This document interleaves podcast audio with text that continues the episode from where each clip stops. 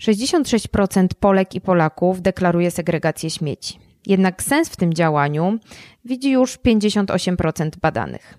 Tymczasem przeciętny Europejczyk i Europejka rocznie wyrzuca aż 500 kg śmieci. Unia Europejska zmierza w kierunku podnoszenia wymagań w zakresie recyklingu, dzięki czemu recykling odpadów opakowaniowych ma wzrosnąć w krajach Unii aż do 70% w 2030 roku. Na szczęście są również firmy, które coraz częściej rewykorzystują plastik do tworzenia nowych sprzętów. To są klimatyczne rozmowy i zapraszam Was e, na kolejne poniedziałkowe spotkanie. Tym razem będziemy rozmawiać o śmieciach.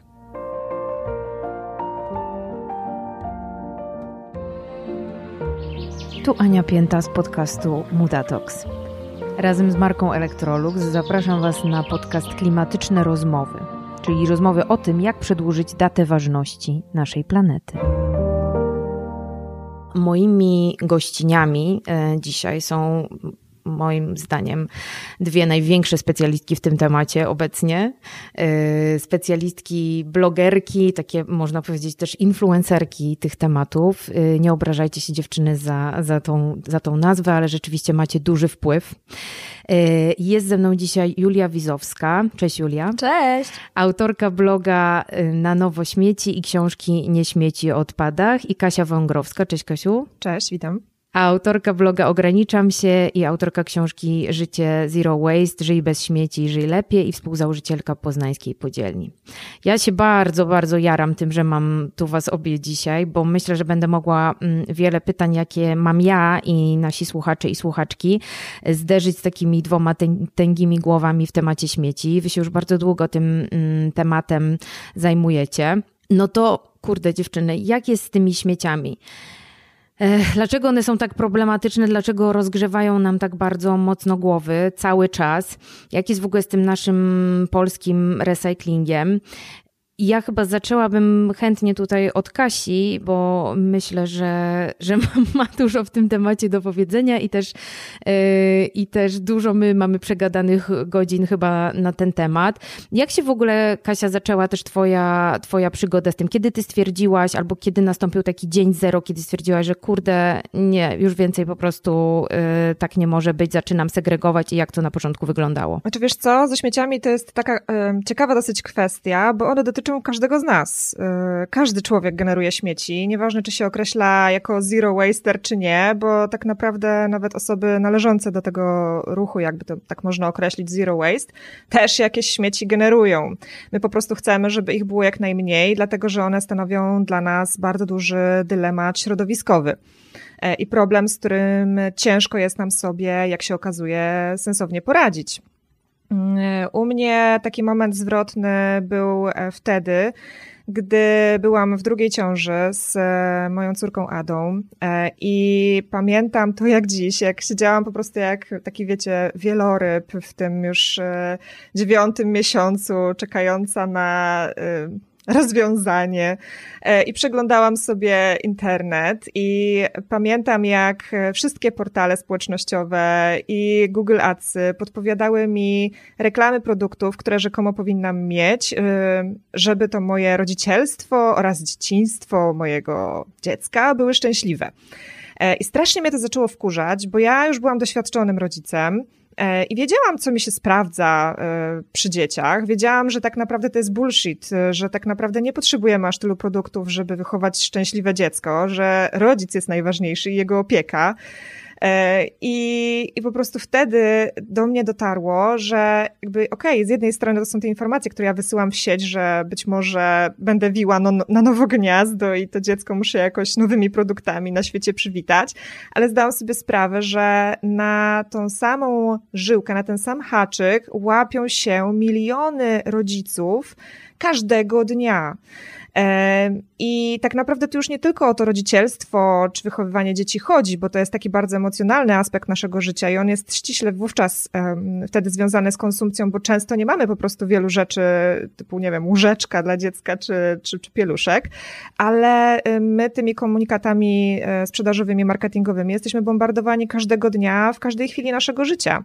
E, I każdy producent chciałby, żebyśmy kupili to od niego, każdy sklep chciałby chciałby, żeby akurat jego produkty były przez nas kupowane, żebyśmy to u nich zostawili nasze pieniądze. No a każdy ten zakup w efekcie jest związany z jakimiś odpadami albo z ze starych rzeczy, których wtedy się pozbędziemy, bo już nam nie będą potrzebne, bo zastąpimy je nowymi, albo z opakowań tych nowych rzeczy, czy też z jakiejś części resztkowych tych nowych rzeczy, które kupiliśmy.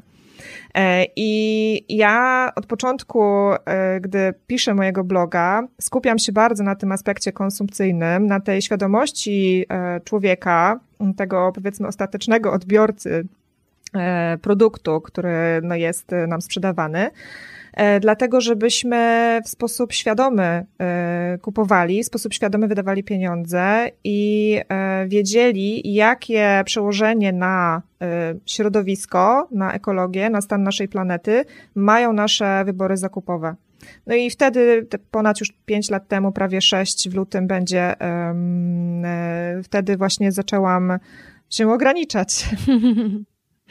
No dobra, to jest bardzo dobra historia. Ja mm, pewnie, pewnie Julii historia jest trochę inna, ale od razu, jakbyś mogła powiedzieć takie krótkie intro do tego, jak to się u ciebie zaczęło. Moja historia zaczęła się trochę inaczej, bo ja wcześniej przez wiele lat pracowałam jako reporterka i ostatnie dwa lata to był wyjazd na Donbas. No i zbieraliśmy materiały do książki i przez dwa lata tak wyjeżdżaliśmy sobie na linię e, frontu i zbieraliśmy te materiały, rozmawialiśmy z mieszkańcami. E, jak już zebraliśmy te materiały, jak już było wiadomo, że więcej nie pojedziemy, mm, to ja już wiedziałam, że ja też nie chcę wracać do tej e, pracy. W trakcie e, tych dwóch lat już poczułam sobie taki przełom, że widziałam po prostu wszystko już, co miałam zobaczyć w tej pracy. I stwierdziłam, że nie chcę po prostu brać w tym udziału. Już po prostu chcę robić coś innego, ale jeszcze wtedy nie wiedziałam, co będę robiła, jak dorosnę. Akurat to był taki czas, kiedy wzięliśmy ślub i zaczęliśmy wić gniazdko, bo wcześniej nasze życie też wyglądało tak, że po prostu wyjeżdżaliśmy, wracaliśmy, wyjeżdżaliśmy, wracaliśmy, wyjeżdżaliśmy, wracaliśmy, bo w sumie oboje pracowaliśmy jako reporterzy. I pamiętam, że pierwsze takie rzeczy, które przerabiałam, to właśnie były związane z urządzaniem mieszkania. To były takie rzeczy upcyclingowe. Mm, pamiętam e, prześcieradło takie na gumkę, które rozprułam i przerobiłam na włóczkę t-shirtową i z tej włóczki t-shirtowej zrobiłam pokrowiec na pufę.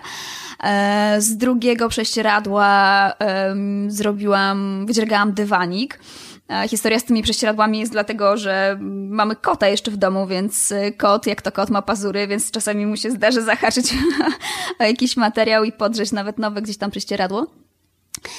I tak przerabiałam różne rzeczy. Z koszuli męża uszyłam torbę na zakupy i gdzieś tam to się rozwijało poczynając od właśnie takich przeróbek. Pamiętam, że jak już kilka rzeczy takich przerobiłam, to stwierdziłam, kurczę, fajna, fajna sprawa, może komuś się przydadzą takie instrukcje, może kom, kogoś zainspirują, może komuś coś pokażą, otworzę jakieś oczy, że możemy nie wyrzucać, tylko właśnie przerabiać, dawać drugie życie. I założyłam bloga. Mm, na nazwę wpadłam też zupełnym przypadkiem gdzieś tam podczas spaceru, mm, bo to jakby było zarówno moje przenosiny, bo jak się mówi, że nie wiem, ze starych śmieci na nowe, czy wraca się na stare śmieci, no to dla mnie to był początek nowego życia i przenosiny na nowe śmieci, a de facto też związane z odpadami, no bo przerabianie e, niepotrzebnych rzeczy i ograniczanie tych odpadów. A potem zaczęłam się wdrażać już bardziej w zero waste. A, a jak już zaczęłam ograniczać e, odpady, to bardzo mnie zainteresowało, co się dzieje po drugiej stronie kosza i jak w ogóle jak już wyrzucamy nawet to, co musimy wyrzucić, no to co się z tym dalej dzieje. No i zaczęłam grzebać grzebać w koszu. Kasia, a powiedz mi teraz ty, dlaczego to segregowanie po naszej stronie w domu jest tak ważne? To znaczy, dlaczego po prostu nie wrzucić tego wszystkiego jednak do zmieszanych i niech potem się ktoś o to martwi?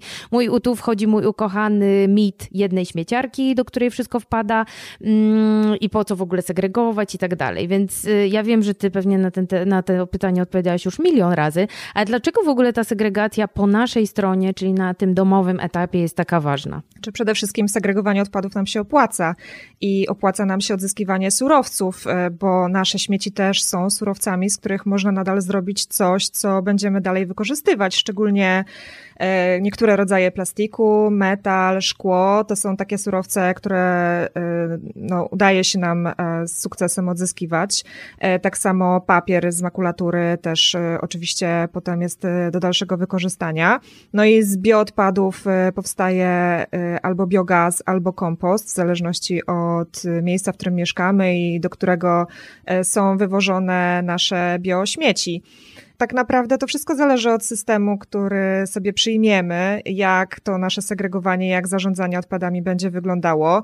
Jasne, że moglibyśmy mieć jeden kosz w domu i wszystko wrzucać do jednego, tylko że potem koszty całego zarządzania tego, tym, tym dosortowywaniem odpadów, po drugiej stronie kosza, jak to Julia wcześniej ujęła, czyli no gdzieś w tych instalacjach, które byłyby stworzone do tego, byłyby przeogromne.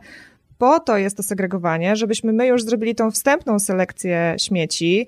E, przede wszystkim również po to, żeby te, które mają dużą szansę na odzyskanie, żeby nie były na przykład zabrudzone bioodpadami, czy albo no, jakimiś tłuszczami, jakimiś e, odpadami resztkowymi, bo taki plastik czy makulatura, plastik to jeszcze, ale makulatura, jeżeli jest zamoczona, to ma wtedy no, bliskie zeru szanse na ponowne przetworzenie. E, tak samo plastik, e, który potem idzie do, do ponownego odzysku, też e, recyklerzy wolą, żeby był jak najczystszy, bo im brudniejszy, tym wyższe dla nich koszty doczyszczania tych śmieci i potem odzyskiwania. Więc no, to są w zasadzie proste zasady, które my teraz mamy w Polsce. To jest tylko kilka frakcji, to nie jest te 40 kilka jak w tej gminie Kamikatsu w Japonii. I my tak naprawdę no myślę, że nie mamy aż takiego dużego problemu, co gdzie wyrzucić, ale nadal zdarzają się sytuacje, w których stojąc przed konkretnym kontenerem, myślimy jednak, e, czy to, e, czy ten śmieć powinien rzeczywiście tutaj trafić. No bo są różne instrukcje, te zasady się potrafią różnić między gminami. W jednym mieście do odpadów bio należy wyrzucać skorupki po jajkach, w innym nie. W jednym tłusta butelka po oleju powinna trafić do plastiku, w innym nie. E, więc no, te zasady rzeczywiście mm, potrafią się różnić takimi niuansami, ale co do, co do zasady, one są jednak w miarę spójne i zrozumiałe. Y, I to w zasadzie zależy tylko od naszej dobrej woli, czy my te odpady będziemy segregować, czy też nie. A ma to dla nas o tyle też sens, że tak jak wspomniałam na początku, to nam się po prostu opłaca.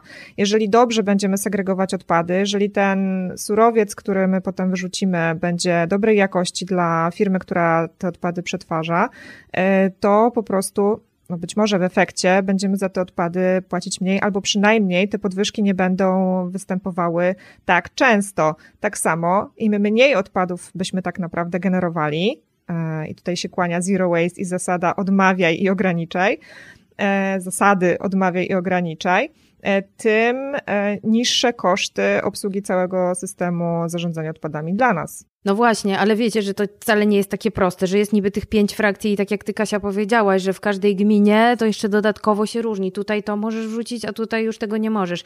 Czyli dodatkowo jeszcze mamy na sobie trochę tą odpowiedzialność, żebyście się zapoznać, jak w naszej gminie ta każda z konkretnych frakcji wygląda. Ja na przykład byłam na takich, wiecie, wstępnych konsultacjach na przykład do mm, panelu warszawskiego, tego klimatycznego, y, obywatelskiego i tam na przykład starsi ludzie się strasznie denerwowali, że znowu się ich przyucza do kolejnej, kolejnej zmiany wersji segregacji, bo były trzy, teraz jest znowu pięć i że muszą za to jeszcze więcej płacić. I bardzo duży był bunt, chyba na to największy, że, że, są, że ludzie są tresowani po raz kolejny do innej i chyba to, że ludzie też nie rozumieją mm, tego, tego motywu, o którym ty mówisz, że śmieci mogą być zasobem, nie? I jakby, a poza tym sobie nie widzą w tym bezpośredniej korzyści, yy, że jakby, no wiecie, że, że okej, okay, no to i tak tak za nie płacę za odbiór tych moich śmieci więcej, a jeszcze dodatkowo mam to czyścić swoją wodą, y, rozdzielić na tych pięć frakcji, zawieść tu, tam i tak naprawdę gdzie jest ta moja korzyść? Mi się wydaje, że bardzo trudno jest to zobaczyć. Absolutnie tego nie podważam, bo to po prostu trzeba robić tak czy inaczej po to, żeby w tych śmieciach też nie utonąć. Znaczy ja ci tylko powiem, że trochę naszą rolą, moją, Julii i innych osób, które opowiadają o śmieciach w sieci, y, jest właśnie taka edukacja mm, mieszkańca, konsumenta y, z tego, dlaczego warto te śmieci segregować albo dlaczego warto produkować ich mniej, ale My to robimy również dlatego, że tej edukacji w sferze publicznej jednak bardzo brakuje, bo gdyby non-stop bombardowały nas komunikaty społeczne z telewizji, radia, z plakatów, billboardów, hej, segregowanie ma sens i tutaj podaję Ci 10 powodów dlaczego, będziesz segregował, będziesz płacił mniej za śmieci, zobacz jakie to jest proste i tutaj, wiesz, wymienione proste przykłady, no to wtedy nikt by nie miał wątpliwości, że to jest, że to ma sens, bo, bo po prostu wszyscy to robimy y, i w ogóle nie ma tutaj żadnego kwestionowania wręcz tej zasady. Tak jak jest w innych krajach, tak jak jest w Szwecji, tak jak jest w Niemczech. Tam y, segregowanie odpadów weszło wszystkim w krwiobieg. Są wręcz specjalne patrole, służby, nie wiem, takie, taka straż śmieciowa, e, która w Szwecji chodzi i sprawdza, są e, osoby starsze, często emeryci, którzy sprawdzają, czy ludzie prawidłowo segregują te odpady i to jest norma społeczna.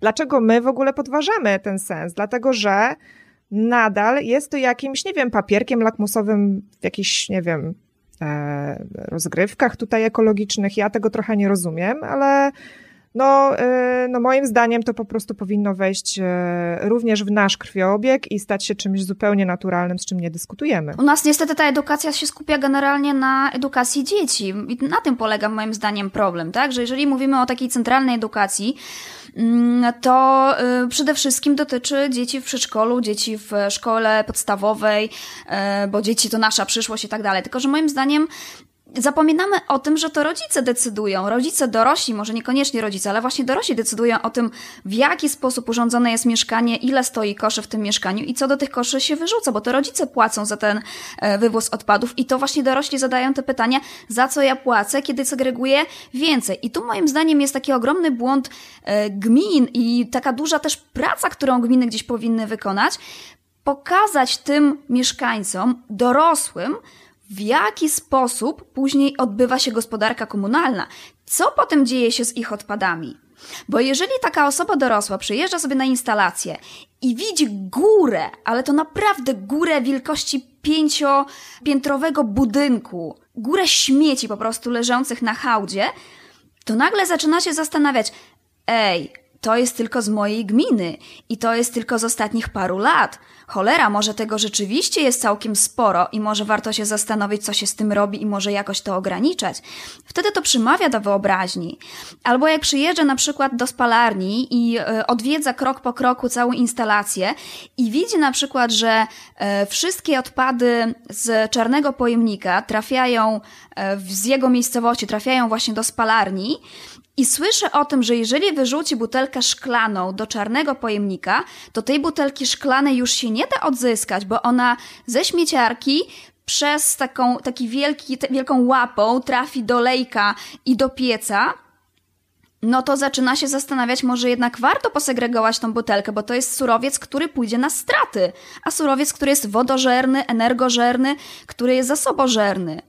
Nie? To powiedzmy, słuchajcie dziewczyny, bo to jest bardzo ważne i skoro mamy taką możliwość, żeby w tych klimatycznych rozmowach też być e, jakąś edukacyjną tubą, no to spróbujmy powiedzieć, co w ogóle z tych naszych odpadów, przykładowych kilku odpadów może dalej powstać.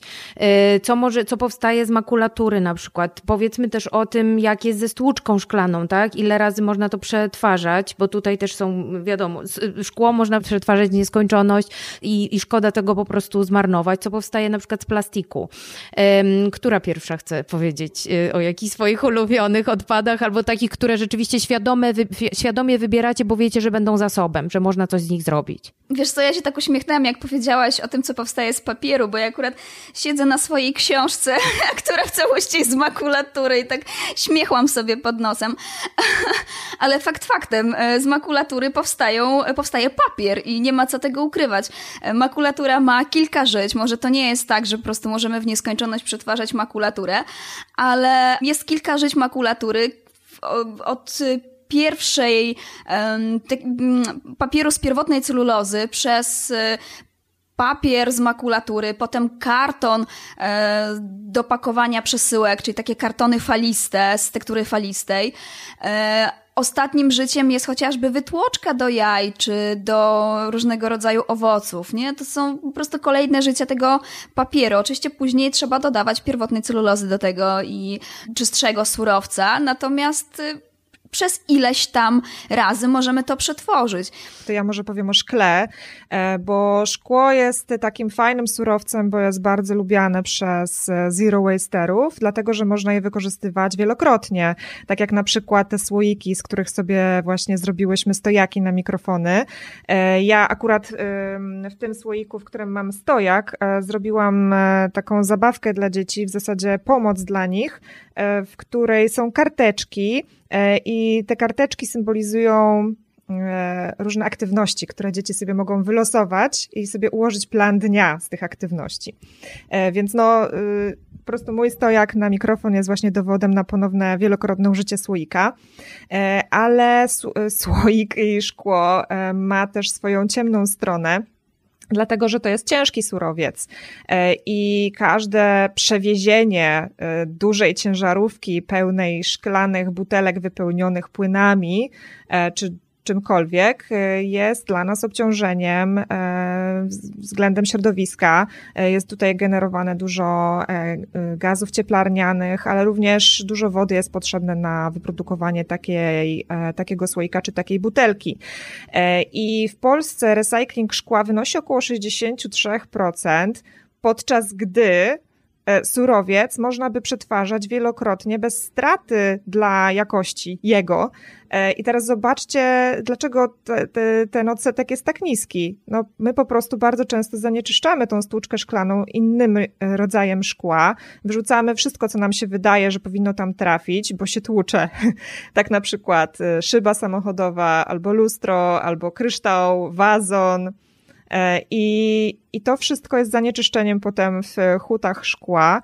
E, z tego dobrej jakości szkło opakowaniowe już nie powstanie. E, niektóre partie szkła są odwożone z powrotem do, e, do firm, które przysyłają do hut odpady i wówczas całe to szkło idzie niestety na straty. Dlatego to jest kolejny powód, dlaczego ta nasza segregacja ma tak duże znaczenie i to, żebyśmy czytali uważnie instrukcje, które są wywieszone na naszych klatkach schodowych, ulotki, które są nam rozdawane, czy też instrukcje e, na koszach. E, no, ale jeszcze tak w sumie mm, usprawiedliwiając trochę ten recykling szkła, no, jednak e, on ma sens, tak? I używanie wielokrotne szklanych pojemników też ma sens, bo chociażby z, jednej, z jednego kilograma stłuczki, znaczy jeden kilogram stłuczki szklanej oszczędza nam 1,2 kilograma takiego czystego surowca, więc to jest jednak oszczędzanie zasobów.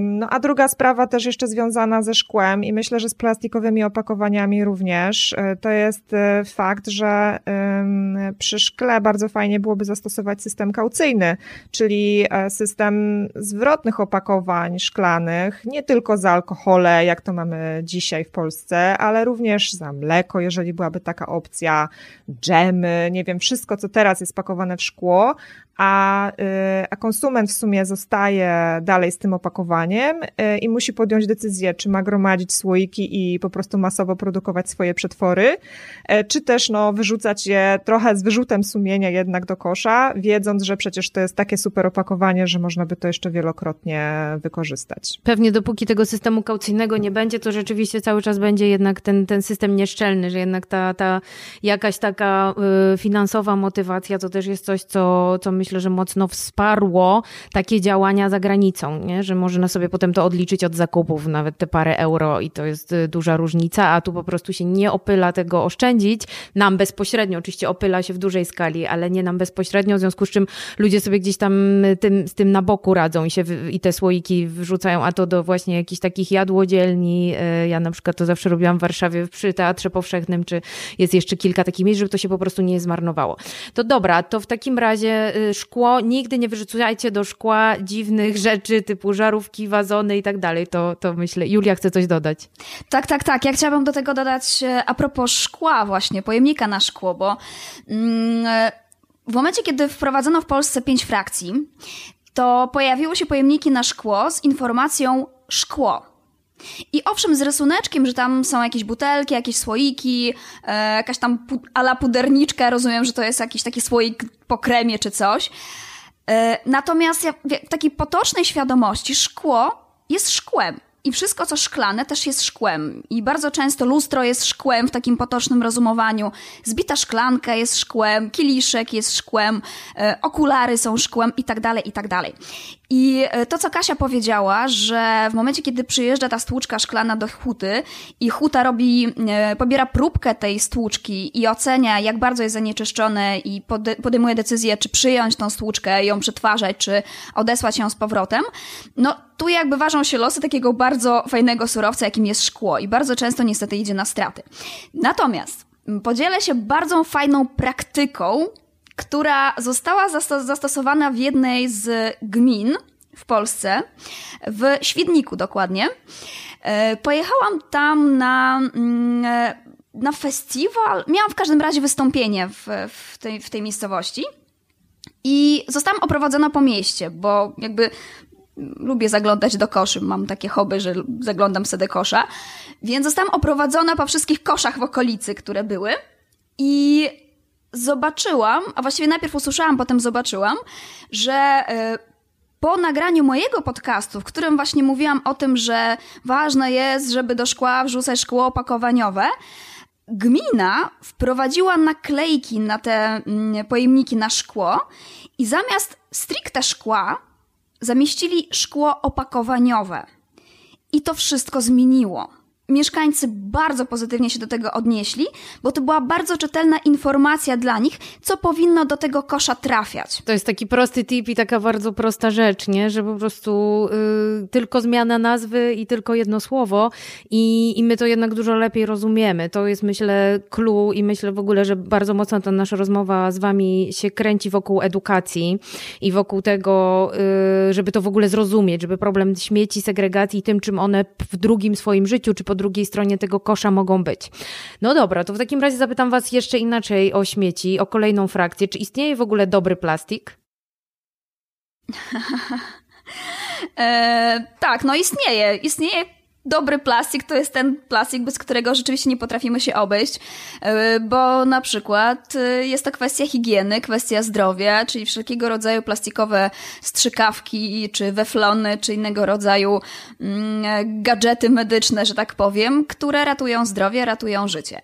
I to absolutnie jest niezbędne i tam plastik musi być i jakby z tym absolutnie nikt nie dyskutuje. E, dobry plastik to jest też wielorazowy plastik. Czyli nawet kiedyś pamiętam taką mm, sytuację, że zwróciła się do mnie czytelniczka z pytaniem, czy w związku z tym, że ogranicza plastik, to powinna usunąć wszystkie swoje plastikowe pojemniki wielorazowe z domu i kupić szklane albo metalowe. I ja pamiętam, że się złapałam za głowę, mówię, nie, no absolutnie nie, skoro już masz te plastikowe pojemniki, które są wielorazowe, mają atest do kontaktu z żywnością i korzystasz z tych pojemników, to bez sensu jest absolutnie wyrzucać je i zastępować czymś nowym, nawet jeżeli to jest szklane albo metalowe. Więc dobry plastik to też jest wielorazowy plastik. Plastik jest bardzo kontrowersyjnym tworzywem, bo rzeczywiście ten, który wykorzystujemy wielorazowo ma jak największy sens i przecież nasze komputery, z których teraz korzystamy, telefony, nie wiem, ten mikrofon ma obudowę z plastiku i bez tego tworzywa byłoby nam naprawdę o wiele, wiele trudniej. Mm, generowalibyśmy też o wiele więcej gazów cieplarnianych do atmosfery, bo produkcja plastiku jest jednak wcale nie aż tak emisyjna, jak nam się to wydaje. To w zasadzie ten efekt uboczny w postaci śmieci jest dla nas bardziej uciążliwy. Śmieci, które bardzo długo zostają w środowisku, które nie wiadomo, czy się w ogóle rozkładają do biomaterii. E, na pewno się rozkładają do mikroplastikowych drobinek, które potem mogą mieć przeogromny negatywny wpływ na nasze zdrowie i życie nawet. E, no i tak samo na życie wielu gatunków e, zwierząt. Po prostu wpływ negatywny na całe ekosystemy, których jesteśmy częścią. No ale, no bo jeżeli to jest dopiero ten efekt uboczny, czyli to opakowanie, które my wyrzucamy, jeżeli to jest dopiero problemem, no to tutaj uszczelnienie tego całego systemu wyrzucania odpadów odpadów, zagospodarowywania ich i robienia coś z nimi dalej, czyli recyklingu, e, byłby dobrym rozwiązaniem. Tylko e, co tutaj powinno się zadziać? Przede wszystkim um, powinniśmy korzystać z takich rodzajów plastiku, które rzeczywiście nadają się do recyklingu i to nadają się do recyklingu wielokrotnego. E, takim tworzywem jest na przykład polipropylen, e, taki, e, takie tworzywo to jest również HDPE, czyli wysokiej gęstości polietylen. PET jest nawet takim tworzywem, też można go wielokrotnie przetwarzać. To są te nasze nieszczęsne butelki na wodę albo na, na mleko. Tylko chodzi o to, żebyśmy my wiedzieli, gdzie konkretnie te butelki wyrzucać, że warto je wyrzucać, bo rzeczywiście z nich potem dalej coś powstaje.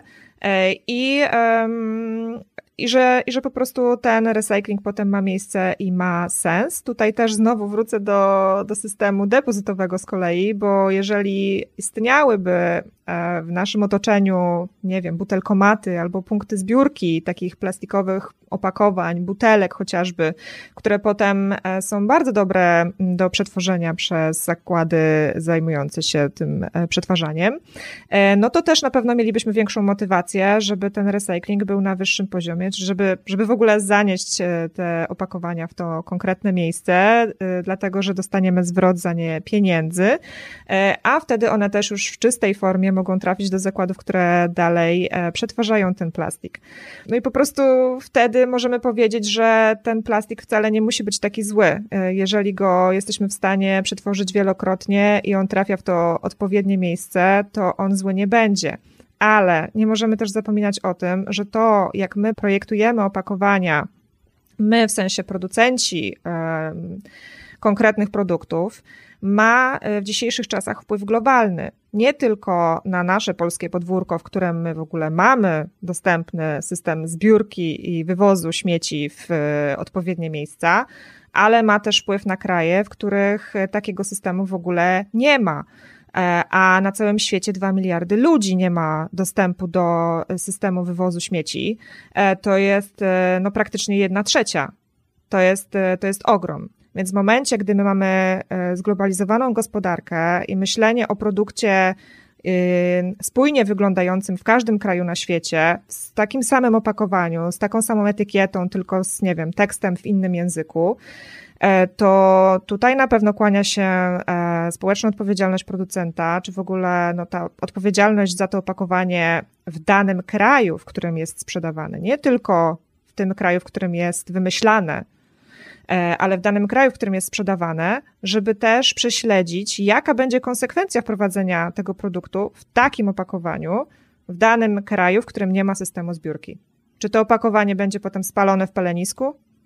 Czy ono, nie wiem, trafi do, do dżungli, do, do rzeki, a powiedz mi w takim razie teraz do Julki pytanie, jakich opakowań w takim razie, na przykład plastikowych, absolutnie unikać, albo jeszcze innych, zwłaszcza moje mieszanki ukochane, y, w sensie takich, których wiemy, że po prostu zostanie to spalone, bo Kasia powiedziała o odpowiedzialności producenta już na etapie y, y, jakby projektowania tego opakowania, no ale na to nie, nie do końca mamy wpływ, natomiast możemy konkretnych produktów nie kupować. Ja pamiętam, jak była kiedyś w moim podcaście recyklerka zawodowa, która mówiła, że największą zmorą recyklerów jest na przykład plastikowe opakowanie z taką termokurczliwą obwolutą. Mogłabyś o tym powiedzieć? Wiesz co, e, rzeczywiście jakiś czas temu największą zmorą e, recyklerów była e, folia termokurczliwa na butelkach.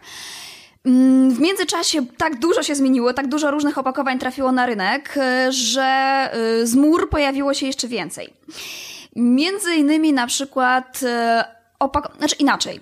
Mm, jak jesteśmy na zakupach, to starajmy się wybierać takie opakowania, które są stare, znane i, że tak powiem, tradycyjne. Im y, dłużej to opakowanie jest na rynku, tym większa jest szansa na to, że istnieje sposób na wyłowienie tego opakowania ze strumienia na instalacjach ym, przy sortowaniu odpadów na odsprzedanie dalej tego rodzaju opakowań recyklerom i na przetworzenie tych opakowań.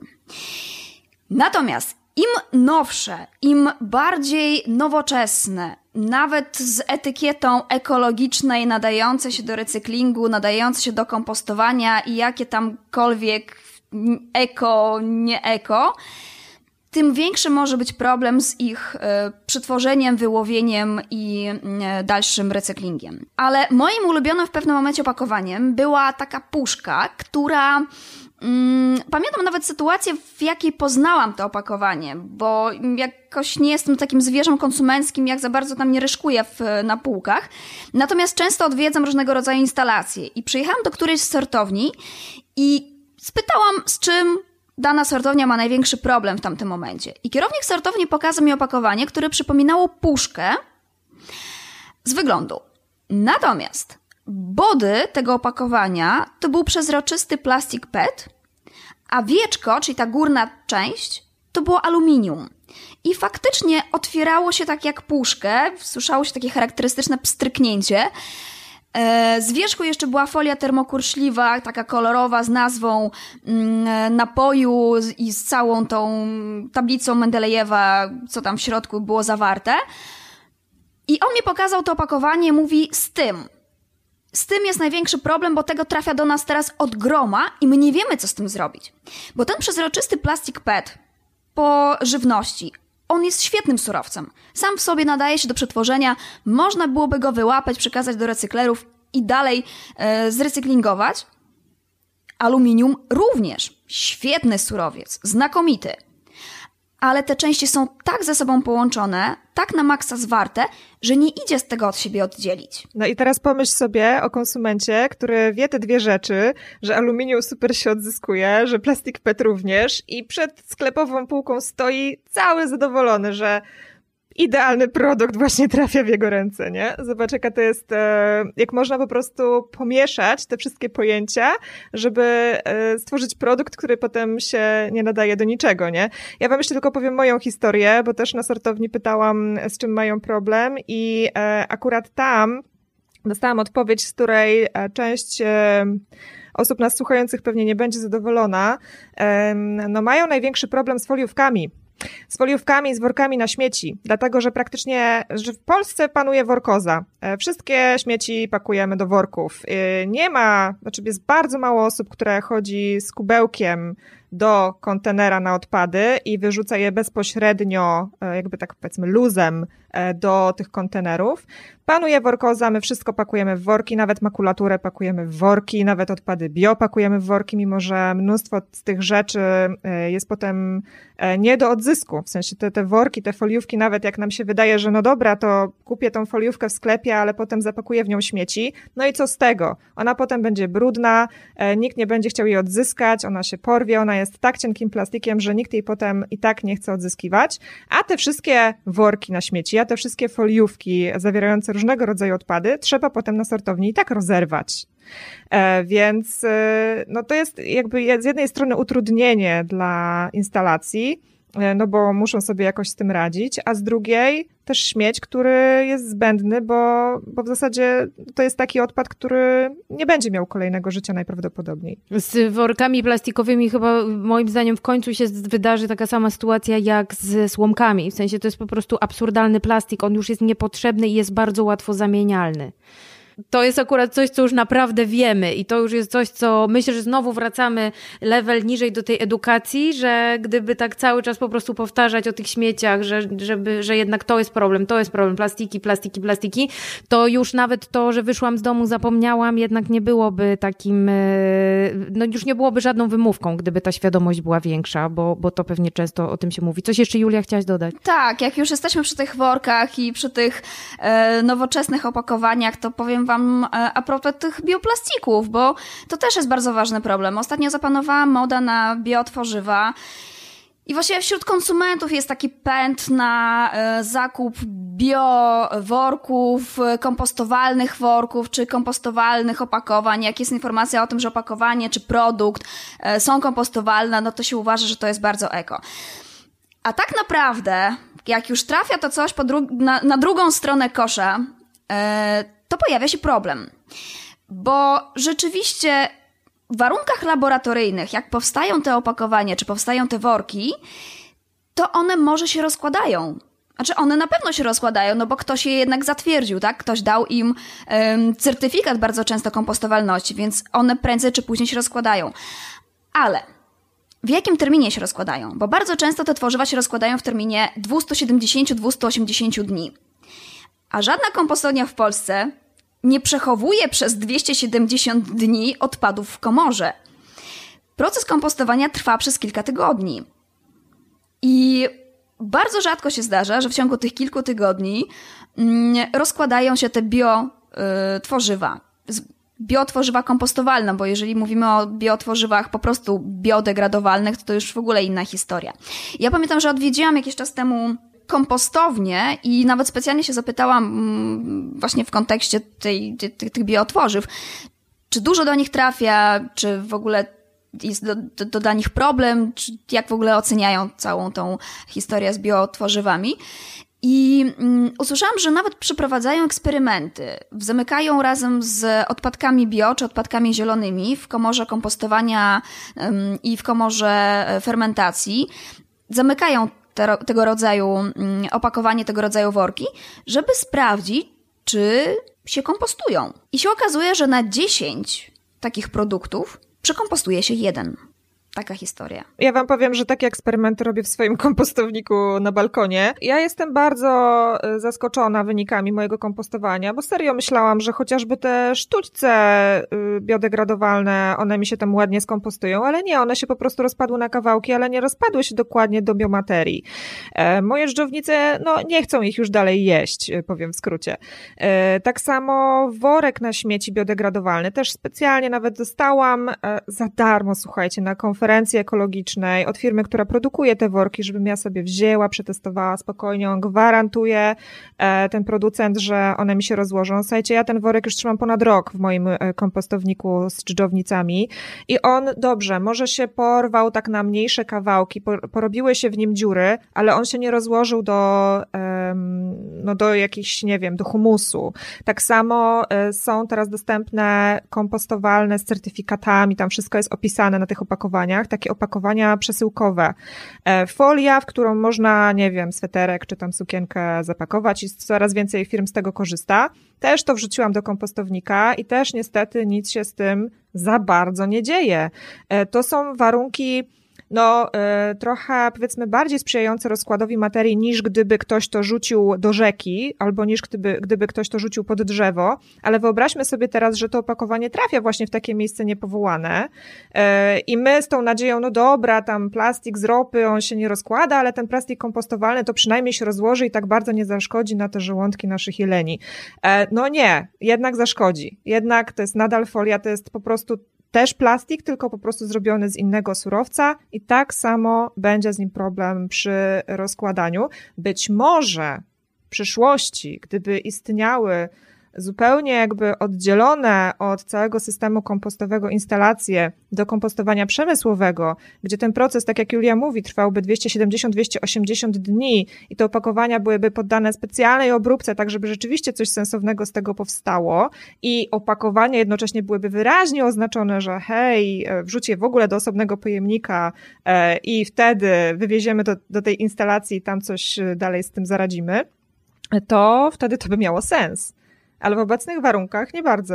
Czyli słuchajcie, no ale dobra, ale dzisiaj bio, y, bio mm, odpady wrzucimy, mówię o bioopakowaniach, to też był problem do pewnego momentu, bo trzeba było... Do ja zmieszanych. No właśnie, do zmieszanych, ale dzisiaj już jakby niektóre gminy są chyba e, przygotowane na to, żeby można było to wrzucić do bio. Jeżeli na przykład robimy e, worki, jeżeli wrzucamy na przykład nasze bioodpady do, e, do bioworka, to możemy to z tym workiem wrzucić do tych bioodpadów, czy jednak lepiej wysypać albo po prostu zastąpić to gazetą, bo tam gazeta może wylądować na przykład w bioodpadach. Znaczy ja powiem tak, jeżeli gmina wyraźnie zaznacza, że można wyrzucać w tych bio bioworkach, to wyrzucajmy w bioworkach, bo oni najlepiej wiedzą, z jakiej instalacji potem korzystają i co dalej się z tymi śmieciami dzieje. My tu uogólniamy na pewno z Julią, e, bo, bo wiemy na przykładach różnych instalacji, jak to może wyglądać, ale jeżeli gmina wyraźnie tak e, wskazuje, że tak można, to, to po prostu to róbmy. Tak, ale co innego worki, bo worki jeszcze na etapie doczyszczania tych odpadków bio, czyli na etapie, w momencie, kiedy odpadki bio przyjeżdżają do instalacji, zanim trafią do komory, one są jeszcze opróżniane z tych worków, nie? Więc worki to jest jedna rzecz. One zostaną oczyszczone, wyjęte z worku, worki zostaną osobno ułożone w stosik. No to już dalsza historia, co się z nimi dalej stanie, ale nieważne. W każdym razie odpadki bio zostaną wybrane z tych e, worków. Co innego, jeżeli będziemy chcieli wyrzucić do odpadków bio coś, co nie jest workiem kompostowalnym, ale opakowaniem na przykład biodegradowalnym, to tego już nie róbmy. Jeszcze gorzej, jakbyśmy chcieli wyrzucić do odpadków bio biodegradowalne czy kompostowalne artykuły higieniczne, bo takie pomysły też się pojawiają, żeby zużyte podpaski na przykład wyrzucać, kompostowalne, bo tak producent mówi, że one są kompostowalne, żeby wyrzucać je do odpadków bio. Albo pieluchy. Nie róbmy tego, absolutnie pod żadnym pozorem. Coś, co miało styczność z ludzkimi wydzielinami, absolutnie nie ma prawa znaleźć się w koszu na bio. To jest bardzo ważne, co mówisz, że po prostu lepiej już wyrzucić w tym przypadku do zmieszanych zdecydowanie, niż, e, niż się bawić teraz po prostu w to, co tym bio będzie, a co nie będzie. I może nawet lepiej niż wchodzić e, w jakieś kolejne rozporządzenia gminy, jeżeli naprawdę nie jesteśmy pewni i nie jest to nigdzie wyszczegółowione, to nie zmarnujmy ileś tam odpadu bio, który wspólnie sąsiedzi zrobili. Zresztą dzisiaj niestety bardzo mało tej, mm, tego gazu, o którym Kasia na przykład wspomniała na początku, dzisiaj się w ogóle i tej, jakby tego zasobu z bioodpadków nadal, nadal w Polsce udaje odzyskiwać. Nie wiem, 1-2% to są jakieś, bo my się dopiero się uczymy tego odpadu um, ostatniego, który jest dla nas całkiem nowy, ale ja przyznaję sama mam z nim cały czas problem. Na przykład to, um, że do bioodpadów, nie wiem, nie należy na przykład w Warszawie wyrzucać jednak zbyt dużo odpadów zielonego, tak? Tutaj na przykład, gdzie dzisiaj mieszkam na Dolnym Śląsku, na odpadach bio jest napisane, że właśnie zielone odpady, e, czyli jakieś to kwiaty doniczkowe, gałęzie, suche liście, co było dla mnie dosyć e, zaskakujące. Ale to w takim razie, bo chciałabym podsumować a propos tych plastików, o których mówicie i w ogóle a propos opakowań. Julia powiedziała bardzo ważną rzecz. Unikajmy rzeczy, które są e, w jakichś super, hiper, ekstra dziwnych nowych opakowaniach. Ja bardzo nie lubię tych mieszanych torebek foliowo-papierowych i też bardzo dużo ekoproduktów producentów odpowiada za nie, że są papierowe po bokach szare, ale wstawiają w to, czy na przykład opakowania na, na pieczywo, prawda, że wstawione jest to okienko z folią, no masakra, w sensie unikajmy jakby takich dziw, dziwności y, w tych opakowaniach. Czy wychodzicie rzeczywiście jak taki, wiecie, harcerz na biwak do sklepu, ze, czyli torba, opakowania wielorazowe, plastikowe, jak jeszcze można po prostu, mm, torebki, tak, jak jeszcze można na etapie tych zakupów uniknąć y, tych najgorszych opakowań, czyli wybierać te, te stare, mieć stare, y, stare technologicznie powiedzmy, bo wiemy, że ktoś je przetworzy i że istnieje maszyna do tego, mm, ale jak w ogóle już na etapie zakupów decydować, że dobra, tego nie chcemy, to łatwo zamienić, tamto, y, tamto może trochę trudniej. Dla mnie takim pierwszym krokiem w tym wszystkim, poza swoimi tam, nie wiem, pudełkami czy swoją torbą, było na przykład w kosmetykach i w chemii wybieranie maksymalnie wszystkiego, co się da w szkle. I jeszcze jakbyście dodały do tego jakieś tipy, żebyśmy mogły w tych, te nasze klimatyczne rozmowy tutaj y, podsumowywać powoli. No ja ci powiem, że u mnie kluczem jest ograniczanie. ograniczanie moich popędów zakupowych, bo przyznam szczerze, że z całkiem sporej liczby produktów po prostu zrezygnowałam, dlatego że uznałam, że są w tak beznadziejny sposób zapakowane, że moje ekologiczne sumienie nie jest w stanie się na nie zgodzić. E, a nie jestem też e, w stanie znaleźć e, zamienników. Bardzo trudno mi było zrezygnować z mozzarelli. Czasem udaje mi się znaleźć ją w takiej już twardszej formie w sklepach z nabiałem na wagę. Tak, nabiał nadal jem, ale no tutaj, tutaj rzeczywiście te wszystkie takie mm, udziwnione sery gdzieś tam w marketach, w których nie ma tej opcji pakowania do własnych opakowań, no ja po prostu tego nie kupuję i nie biorę. Tak samo te wszystkie napoje jogurtowe, tak jak mówiłyście o tych butelkach z folią termokurczliwą. No po prostu przestałam to kupować i tyle. I e, czasem trudno jest nam być może podjąć e, taką decyzję o rezygnacji z czegoś, co lubimy. I to nie chodzi o to, żeby się całe, całe życie umartwiać i umęczać. No jeżeli jest nam trudno z czegoś zrezygnować, no to no to nie rezygnujmy z tego, zróbmy inny krok w stronę ograniczania odpadów. E, nie wiem, świadomie segregujmy, e, wybierzmy rower zamiast samochodu, e, nie zużywajmy tyle wody w naszych domach i tak dalej, i tak dalej. Ale rzeczywiście, tak na sam wstęp, warto po prostu planować swoje zakupy, wiedzieć, czego my tak naprawdę potrzebujemy w naszej lodówce, w naszej spiżarni, e, planować, do czego zapakujemy te zakupy. Czyli jeżeli wiemy, że idziemy na duże tygodniowe zakupy, weźmy ze sobą kilka toreb, a nie jedną, żeby potem przed kasą nie było niespodzianki. E, weźmy kilka worków na zakupy, na pieczywo, na owoce, warzywa, na różne inne rzeczy, które do tych e, wielorazowych woreczków możemy zabrać. Nie bójmy się poprosić o ser, czy wędlinę, czy inne tam garmażeryjne produkty do własnego opakowania, bo tak naprawdę często te obawy, ten strach o reakcję są tylko w naszej głowie. E, tak naprawdę ekspedient czy ekspedientka w 99% z radością i z uśmiechem na ustach nas obsłuży i nałoży te produkty do naszych opakowań. E, no i potem wykorzystujemy wszystko, co mamy z głową, czyli nie kupujmy beznadziejnych e, produktów, których potem nie będzie nam się chciało nawet jeść, albo takich, które no właśnie nikomu w domu nie smakują, to jest coś nowego i w ogóle nie znamy smaków. I potem, bo potem takie produkty najczęściej lądują w naszych śmietnikach. Niestety taki los często spotyka te warzywa i owoce, które są sprowadzane z krajów egzotycznych, a my czasem chcemy ich spróbować, e, nie znamy smaku, jak awokado, mango, nie wiem, jakieś liczy, e, udziwnione owocki, których u nas normalnie nie spotykamy e, i potem to leży i się psuje i e, gaz cieplarniany wyemitowany do atmosfery i zużyta woda idą na marne. Julia, coś byś dodała jeszcze do takich tipów? Kasia tak dużo powiedziała a propos tego, że nie wiem, co tutaj jeszcze dodać, ale może dodałabym do tego, że część rzeczy możemy zrobić sami. Jakby podstawą jest oczywiście ograniczanie i ja pamiętam też taki moment, kiedy e, otwierałam szafkę pod umywalką w łazience i tam stały po prostu kolorowe, naprawdę we wszystkich kolorach tęczy pojemniki i opakowania do psiukania, jedno do psiukania, psiukania lustra, drugie do psiukania zasłony prysznicowej, trzecie do sprzątania wanny, czwarte do sprzątania czegoś tam. I tego było po prostu bardzo dużo. I w tym momencie wystarczy tak naprawdę ocet, który można znaleźć w szklanej butelce, mm, albo zrobić samemu chociażby ze skórek owoców cytrusowych, więc możemy wykorzystać do tego skórki. E, soda, którą możemy kupić na wagę w sklepach zero waste'owych i kupić nie takie malutkie opakowania 10 gramów czy 50, tylko kupić na przykład kilka kilo. Ja za dwa lata temu kupiłam 5-kilogramowy worek sody i ta soda była do czyszczenia wszystkiego i blatów, i umywalek, i zlewozmywaka i tak dalej. Mm, Olejki eteryczne to jest też podstawa. Absolutnie eliminujemy wtedy e, płyn do płukania tkanin, czy takie płyny zapachowe do, do prania. Olejki eteryczne dorzucamy do alkoholu i mamy prosty, szybki do wykonania odświeżacz powietrza. Wystarczy wódka i olejki eteryczne. Um, olejki eteryczne dodajemy do sody i jeżeli zmieszamy olejek z drzewa herbacianego i olejek eukaliptusowy, to ten zapach bardzo przypomina taki mm, charakterystyczny zapach środka do dezynfekcji toalet.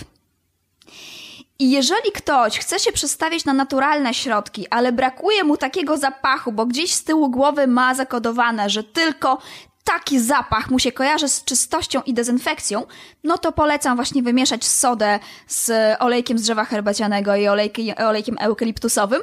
Jest identyczny zapach, a przy tym całkowicie naturalny. I z ograniczoną ilością składników. Super. Ja bym zdecydowanie dodała to, żeby po prostu naprawdę, jak idziemy do sklepu, rozglądać się po tych półkach bardzo szeroko, czy to, czego potrzebujemy, nie ma zamiennika właśnie na przykład w szkle i unikać absolutnie tych wszystkich kremiczków, które są zapakowane po prostu w 15 tysięcy warstw, pudełko, folijkę i jeszcze w środku jest plastik. Ja tego nigdy nie zrozumiem. No i po prostu myśleć, myśleć, jeszcze raz myśleć i pewnie, i pewnie słuchać tego, co mówi Kasia i Julia. I na koniec, y, w takim razie, żeby pod podsumować te nasze klimatyczne rozmowy już chyba kolejny raz, ale tak już, tak już zupełnie do brzegu dobijać, to mam dla Was taki mały quiz, który dla Was w zasadzie nie będzie żadnym, żadną trudnością, ale bardzo pomoże, myślę, że naszym słuchaczom i naszym słuchaczkom. Gdzie wyrzucimy na przykład brudny papierek po maśle? Julia. Zmieszamy. Ale proste. No a gdzie... Tak zwany papierek, słuchaj. Tak zwany papierek właśnie, dziękuję. A gdzie w takim razie y, wszystkie odpady pod tytułem podpaski, pampersy, tampony, o których już wspomniałam, Kasia? No, też do zmieszanych. Wszystkie odpady z resztkami naszymi, um, wydzielinami powinny trafiać do zmieszanych. A na przykład... Wszystkie takie fujka. Okej, okay, fujka. A już, a popsuty parasol? A, to jest ciekawe. Y, ja bym rozłożyła to na czynniki pierwsze. Sam ten parasol w sensie, bo y, szkoda byłoby metalu, żeby wyrzucać gdzieś do zmieszanych. Mm, więc y, metal wrzuciłabym do żółtego pojemnika na plastik i metal. Mm, natomiast jeżeli chodzi o materiał, to ja bym przerobiła. Ja mam zresztą taki pokrowiec na matę do jogi, zrobiony z, ze starego, tak, ze starej, ze starej parasolki mojej mamy bo mi przetarabaniła właśnie starą parasolkę, mówi, ty coś wymyślisz, a mi szkoda. Fajny materiał rzeczywiście był więc e, do wykorzystania. No a jak nie mamy do wykorzystania, no to jakiś pojemnik na używane ciuchy, albo w najgorszym wypadku zmieszane też. Co mi tu jeszcze przyszło do głowy? A na przykład wszystkie opakowania nie z niedokończo... słoik z niedokończonym kremem, niewykorzystany do końca. Najlepiej jednak wykorzystać do końca. Słuchajcie, nawet taki stary krem e, można użyć, jeżeli jest tłuściutki, do pielęgnacji butów albo produktów skórzanych, takich jak torebka, e, ale jeżeli jest bardzo taki żelowy, wodny, no to, to już nie, e, to po prostu sobie odpuśćmy. Najlepiej jednak e, szklane opakowania opróżnione wyrzucać do szkła. Czyli opróżniamy resztki dżemów, no, resztki w ogóle opakowa, e, resztki jedzenia w słoikach opróżniamy zanim, zanim je wyrzucimy. Tak jest. Stare płyty CD na przykład? To są elektroodpady. Więc A, albo pojemniki ciekawe. na elektroodpady i bardzo często takie pojemniki stoją w różnego rodzaju centrach handlowych, sklepach, marketach budowlanych. Mm, tam są nawet takie specjalne poprzeczne takie, czy podłużne takie przedziałki na, na płyty. Ewentualnie zostaje też PSZOK, czy punkt selektywnej zbiórki odpadów komunalnych. Tam też możemy zawieść płyty. I ja wam powiem, że też sprawdzajcie na stronach waszych gmin, e, bo Warszawa mówi, żeby płyty CD wyrzucać do plastiku i metalu, e, ale jeżeli macie większej ilości tych płyt, to rzeczywiście najlepiej jest je zawieźć do PSZOKu, bo, no bo to nie jest taki standardowy recykling jak recykling, nie wiem, plastikowej butelki. Dobra, to ostatnie dwa. Co co zrobię z filtrem na przykład do y, filtrującym wodę, tym takim plastikowym? Nie będę podawać marki. Ja wiem, że Kasia wie, że jest na przykład jeden taki punkt w Poznaniu, który je zbiera, ale no w Warszawie go nie ma, więc gdzie ja to wywalę? Nie, są. Są już? Są, jest, jest dużo, tak. Przy marketach sprzedających e, sprzęty RTV AGD są teraz takie właśnie pojemniki, do których można te filtry różnych marek tak naprawdę już teraz wyrzucać. Znaczy każda marka ma swoje pojemniki, o, może tak. O, okej, okay. no tak, znowu, znowu y, rozdrobnienie, ale to też by było coś, co by się przydało, bo myślę, że bardzo dużo ludzi tego używa i że również producent powinien wziąć odpowiedzialność za, za, za to i żeby to mm, reużywać i wracać do obiegu. I ostatnią chyba rzecz, jaką jeszcze miałam, a która jest zawsze dla mnie problematyczna, a wiem, co jest dla mnie problematyczne i dlatego też nigdy nie przeszłam na dietę pudełkową. Co z tymi tackami? Gdzie, gdzie je wyrzucamy? Te czarne, klasyczne, czy one się nadają w ogóle do recyklingu? Te z folią zgrzaną u góry? O Jezu, to jest straszny problem z tymi czarnymi pojemnikami. One, mm, czy sam surowiec wykorzystany do produkcji tego rodzaju tacek jest jeszcze jako tako ok, w sensie to jest PP, można z tego zrobić w kolejnym etapie, nie wiem, doniczkę na przykład taką do ziół z marketów, nie? Taką bazylię, co kupimy sobie w czarnym, czarnej doniczce. Najgorsze jest w tym wszystkim to, że one są czarne, a na instalacjach działają lasery, więc mm, jak leci taśma, która też jest czarna i czarne opakowanie na tej czarnej taśmie, mm, nie, nie tego laser, bo po prostu nie ma kontrastu. To, co możemy zrobić w tej sytuacji, o ile nie możemy na przykład zrezygnować z diety pudełkowej albo e, zastąpić daną firmę, która oferuje czarne e, na inną, która oferuje w innym kolorze, powiedzmy, pojemniki, to zbierać te pojemniki i wyrzucać w większej ilości. Jak one będą włożone jeden do drugiego i będzie tych pojemników więcej niż mniej, to um, łatwiej je wysortować wtedy. Ale wtedy je wyrzucamy do plastików, jak je wyczyścimy? Tak.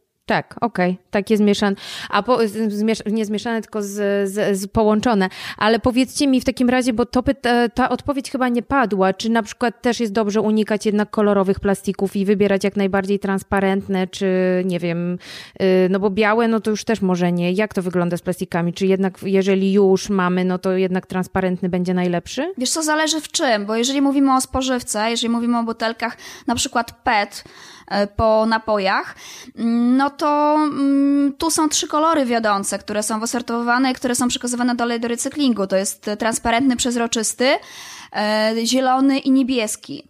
Natomiast jeżeli mówimy o PET w kosmetykach, no to jest na przykład problem. I jeżeli wybierzemy taki szampon, ok, w PET, ale na przykład w różowym PET, który nie jest po spożywce i który dodatkowo jest w, właśnie w takim różowym kolorze, to będzie problem z nim.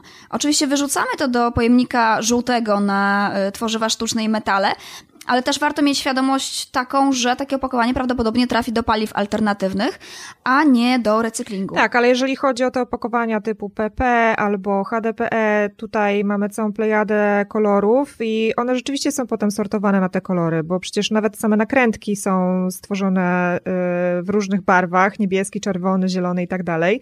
I one rzeczywiście potem są potem segregowane po kolorach i rozdrabniane i dalej przetopiane na nowy plastik, także tutaj aż takiego dużego wyzwania nie ma. Okej, okay. E, kurczę, dziewczyny, ja muszę sobie teraz wszystko w takim razie ułożyć jeszcze raz w głowie.